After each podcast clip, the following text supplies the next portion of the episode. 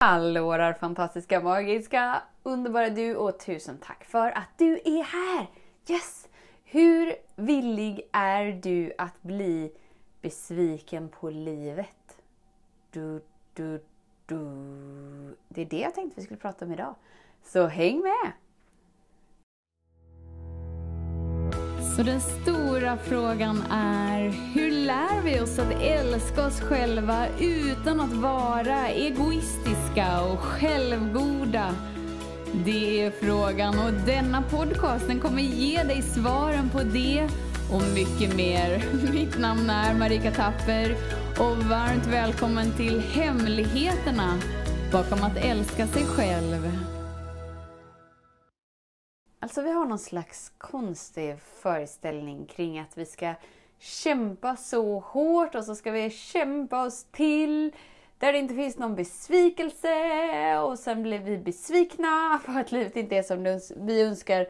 Och så blir vi, eh, bara faller vi ner i någon slags nedåtspiral som gör att vi slår på oss själva och tycker att vi är så dåliga. Och vi borde inte vara här och vi vet allting fast ändå så gör vi inte det vi vet och då tycker vi att vi är dåliga för att vi inte gör det vi vet. Och så blir allting ännu mer tungt och så blir vi ännu mer bara frustrerade. Grejen är den att eh, ditt liv vill ju levereras till en större nivå än dina förväntningar. Om du lever efter förväntningar så lever du efter en mental konstruktion som är baserad på dåtiden.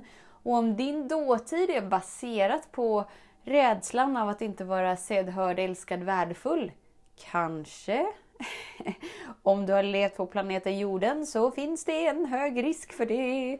Så det enda förväntningar visar är att du någonstans inom dig inte tror att det kan bli så bra som du vill. Och eftersom att du skapar ditt liv med din inre frekvens så skapar du situationer och stunder om och om, om, om igen. Där du blir besviken. Du blir besviken på dig, du blir besviken på livet, du blir besviken på allt och alla. Så vad är alternativen? Ja, vad tror du? Första gången jag hörde att man skulle lägga ner sina förväntningar så tyckte jag att det ungefär lät som att jag skulle lägga ner att jag vill uppleva ett större liv än vad jag vill uppleva. Men det är inte det. Eftersom att vi alla har en inre längtan efter en frihet, en inre längtan efter att vara obegränsad.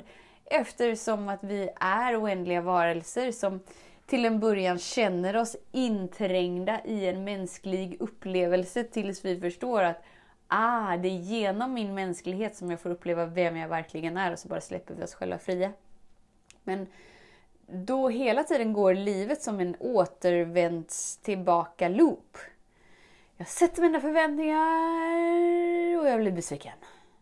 Men jag reser mig upp igen och jag kämpar mig hårdare, jag kämpar mig starkare. Och så blir jag besviken. och så håller vi liksom på i den här smärtsamma, jag måste liksom så här skjuta ifrån för att få höjd, för att sen ramla ner och bli besviken. Om vi inte längre har några värderingar om energier så, så spelar det inte så stor roll om någon annan sätter värderingen som besvikelse eller förväntning. För du är så inkapslat i det som är nu och bara så här i utforskande stadiet att det spelar inte så stor roll. Sist jag hade ett väglett samtal så var det med en person som upplevde att hon var liksom i, sina, i sitt prestationsmode hela tiden att hon inte ens kunde slappna av när hon blev tillslagd och slappna av för att hon trodde att det var en prestation som att hon skulle göra det på något slags rätt sätt. Så att hon blev nervös när hon skulle slappna av för att hon visste inte vad som förväntades sig av henne för att hon var så van vid att prestera. Jag tror att vi alla kan känna igen oss till en viss del. Att vi är skapta utefter att vårt värde ligger i det vi presterar, i det vi gör, inte i den vi är och tillåter oss att vara. Och det gör att vi hela tiden stöter på besvikelse inom oss själva. För att vi har en förväntning av hur vi vill att livet ska vara. Fast när vi inser att den förväntningen är skapad på dåtiden, som är skapad på en underliggande rädsla av att jag inte är sedd, hörd, älskad precis som jag är. Så blir det hela mycket komiskt helt plötsligt. Ju mer vi liksom synliggör varför vi gör som vi gör, hur vi gör som vi gör, så kan vi liksom så här avmantlisera oss. Det finns ju inget ord som heter. Jag försöker igen. Så kan vi ju liksom avidentifiera oss från våra mantlar som vi har tagit på oss, alltså den vi tror att vi är. Och grejen är den att när vi hamnar i någonting så vill gärna hjärnan liksom så här gå på högvarv och bara lista ut men varför hamnar jag här igen och varför? Varför känner jag det jag känner och varför och varför och varför?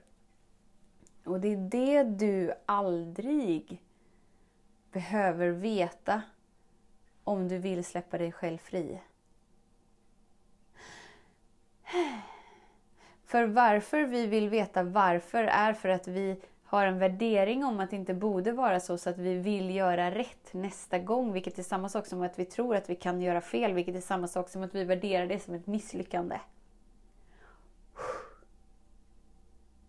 När vi bara inser att det jag känner precis just nu, det som kommer upp inom mig precis just nu, kommer upp för att det har varit som det har varit oavsett hur det har varit. Och enda anledningen att jag känner det precis just nu är för att det är på väg att frigöras.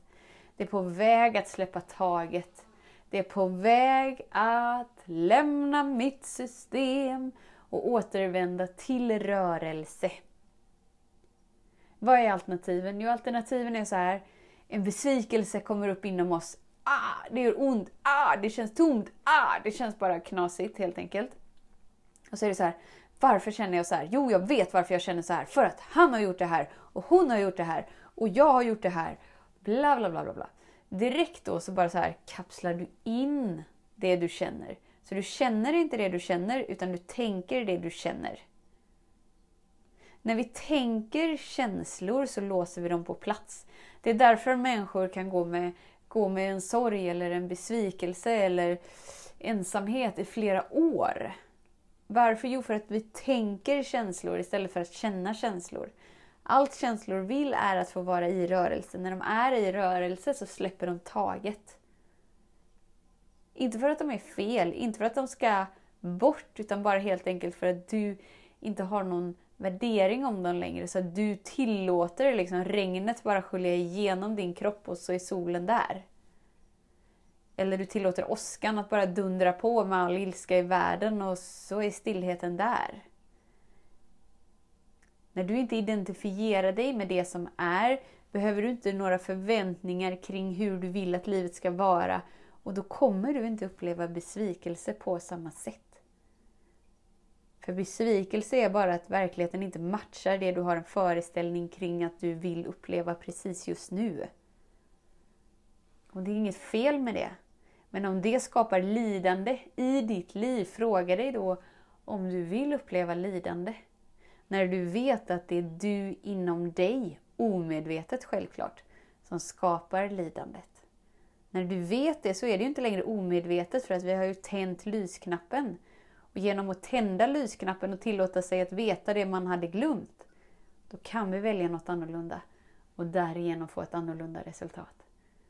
Tusen, tusen, tusen tack för din tid och för din vilja att vara här. Vet att jag ser dig, jag hör dig och jag älskar dig. Och tills vi hörs igen, var snäll mot dig. Hej då!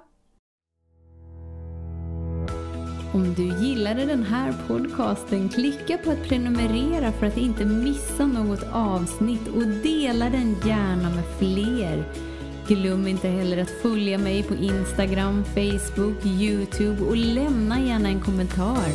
Jag älskar att läsa vad som händer i just ditt liv, för kom ihåg, livet förändras när du lär dig att älska dig själv.